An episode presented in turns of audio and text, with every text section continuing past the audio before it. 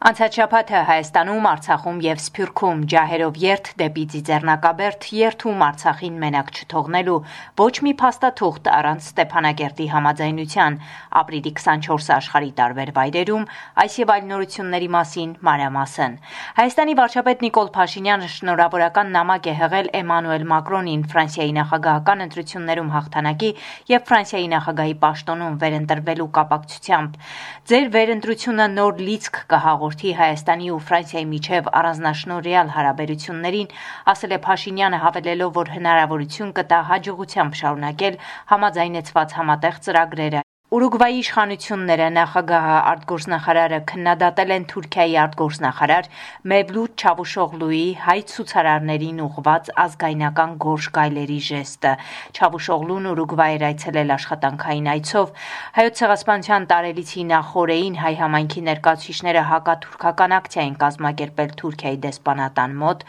որտեղ Չավուշօղլուն ի պատասխան ցուցարարների ցույց է տվել գորշ գայլերի նշանը։ Հայոց ցեղասպանության փաստն առաջինը ճանաչել է Ուրուգվայը 1965 թվականին։ Թուրքիայի նախագահ Ռեջեփ Թայիպ Էրդողանը ապրիլի 24-ի կապակցությամբ ուղերձ է հղել Պոլսի հայոց պատրիարք Սահակարգ եպիսկոպոս Մաշալյանին, այն հրապարակվել է նախագահի պաշտոնական կայքում։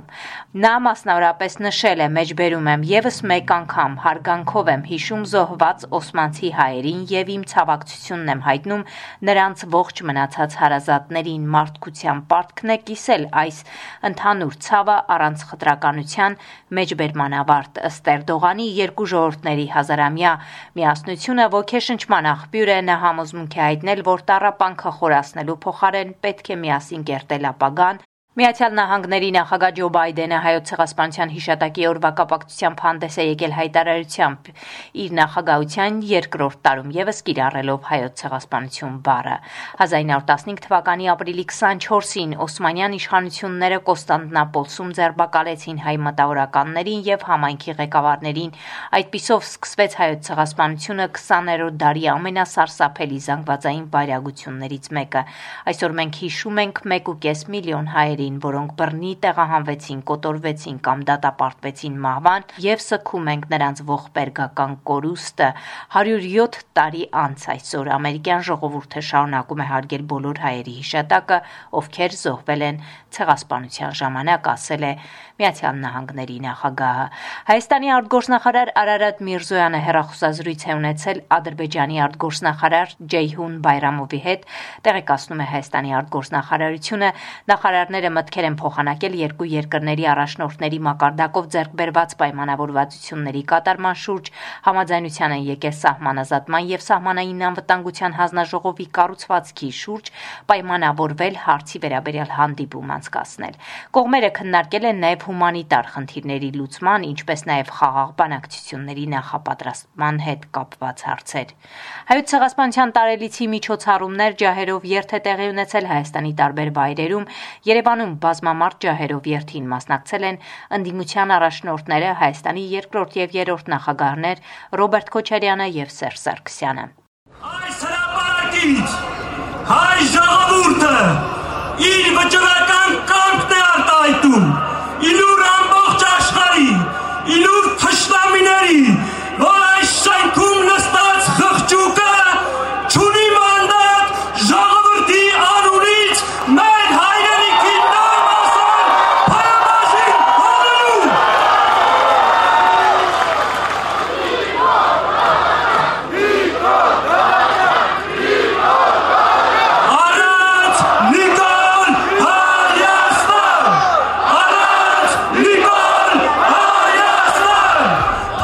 Երթը շարունակվել է դեպի Ծիծեռնակաբերդի հուշահամալիր, որտեղ երթվել են Արցախին մենակ չթողնել։ Հայ հեղափոխական դաշնակցության Հայաստանի Գերագույն մարմնի ներկայացիչ խորհրդարանական Հայաստան խմբակցության падգամավոր Իշխան Սաղաթելյանի խոսքով. Խոստանանք այս սուրբ եւ խորհրդանշական վայրում, որ մենք իրենց մենակ չենք թողնելու։ Եկեք այսօր այս վայրում Ցեղասպանության զոհերի հուշարձանի մոտ բոլորս մեր մտքում երթվենք յուրաքանչյուրս մեզ խոստանանք որ տեր ենք մեր հայրենիքին տեր ենք մեր իրավունքներին եւ պատրաստ ենք մարտնչել դրա համար։ Ես Արցախի կողքին եմ։ Ես Արցախի կողքին եմ։ Արցախ. Ստեփանակերտում հայոց ցեղասպանության տարելից հին անմեղ զոհերի հիշատակին турք են մատուցել հուշամալիր են այցելել նախագահ Արայք Խարությունյանը, նախկին նախագահ Բակո Սահակյանը, Արցախի թեմի առաջնորդը եւ այլք։ Արցախի արտգործնախարար Դավիթ Բաբայանին լսենք։ Առաջին անգամ մարդկության պատմության մեջ պետականորեն կազմակերպեց ցեղասպանություն, որի զոհը դարձավ մի ոչ ժողովուրդ։ Եվ առ այսօր միջազգային հանրությունը պատշաճ կերպով չի դատապարտել եւ չի ճանաչել այս ցեղասպանություն։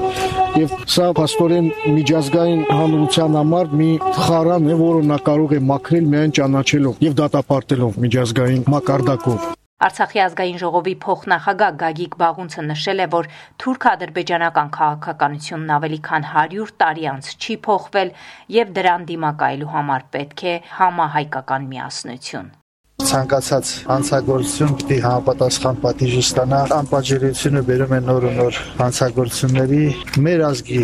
առաքելությունը ես տեսնում եմ նրանում որ անընդհատ աշխարհին մատնանշենք որ նման հանցագործությունը 107 տարի անց դեռ մնում է անպատիժ եւ ծնում է նոր ու նոր հանցագործություններ այսօրվա խորհրդանիշը հենց միասնության խորհրդանիշն է պետք է մեր մեծ ցավի դեմ կարողանանք համախմբենք եւ բացառենք նոր ու նոր հանցագործությունները մեր ազգի գիտեմ։ Նախագահ Արայք Հարությունյանը հղում անելով վերջին օրերին Հայաստանի ղեկավարության հետ իր հանդիպումներին վստահեցրել է, որ առանց Ստեփանակերտի հետ քննարկելու Արցախի վերաբերյալ որևէ փաստաթուղթ ոչ միայն չի ստորագրվի, այլև անգամ չի քննարկվի։ Հայաստանի Հանրապետության վարչապետը իր վերջի կառավարության նիստի ելույթում ներկայացրել այն տեսակետը, որը մենք ձեռք ենք բերել այդ հանդիպումների ժամանակ, տարբեր ձևաչափերում, որ Ղարաբաղի հետ կապված ցանկացած խնդիր, ցանկացած քննարկում պետք է ընդունվի որոշման տեսքով կամ ընդհանուր առմամբ նաև քննարկման համար նյութ որպես փաստաթուղթ Ղարաբաղի իշխանությունների, Արցախի հանրապետության իշխանությունների դիրքորոշումը հաշվի առնելով։ Առանց մեր դիրքորոշման ընդཐུպ քննարկումներ չի լինելու։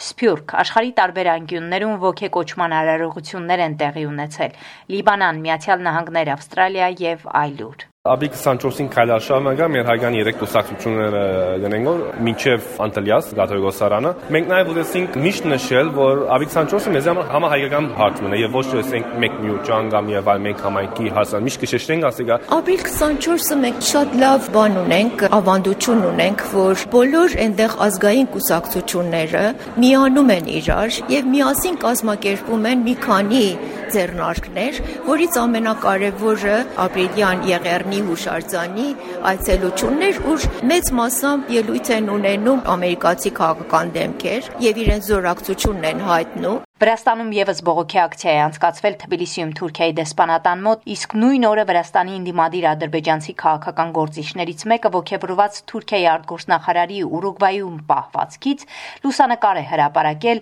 ցույց տալով թուրքական գորշ գայլեր ծայրահեղական ազգայնական խմբավորման ժեստը։ Վիրահայերը պահանջում են երկրի պատկան մարմիններից պատժել ադրբեջանցի գործին գորշ գայլերի ժեստը ցույց տալու համար Վրաստանի հայ համայնք կազմակերպության ղեկավարներից տնօրեններից Արթուր Միրզոյանն ասում է. Միայն կարող ասեմ, որ ազերիները ստեղ ամենաբարձր մակարդակը արդեն հաբրգել են, որովհետև իրանց զգում են անպատիժ։ Մենք անընդհատ ցով միշտ առատում ենք, միշտ ցույց ենք տալու, ուշադրություն ենք դարձ փորձում հravirել եւ հատուկ մարմինների այս դեպքի վրա, բայց այսքան մենք ավելին չենք կարող անել։ Այդի արդեն Վրաստանը ինքնուրույն պետք է հասկանա, Վրաստանի իշխանությունը ինքնուրույն պետք է տեսնի դրա վտանգը։ Եվ վերջում Թուրքիայի խորհրդարանի նախագահը Թուրքիայի քրդամետ ընդդիմադիր ժողովուրդների դեմոկրատական կուսակցության հայ падգամավոր Կարո Փալյանի կողմից խորհրդարան ներկայացված հայոց ցեղասպանությունը ճանաչելու մասին օրինագիծը հետ է ուղարկել։ Նման որոշումը հիմնավորվել է այն հանգամանքով, որ առաջարկը հակասում է Թուրքիայի խորհրդարանի ներքին կանոնադրության դրույթներին։ Փալյանն այս տարի եւս ապրիլի 24-ի նախորդեին հայոց ցեղասպանության ճանաչման օրինագիծ է ներկայացրել Թուրքիայի ազգային մեծ ժողով, նա մշտապես պնդում է, որ հայոց ցեղասպանության փաստը առաջին հերթին պետք է ճանաչի Թուրքիան։ Անցած շաբաթը Հայաստանում, Արցախում եւ Սփյուռքում SBS-ի համար ամփոփեց Գիտալի Բեկյանը։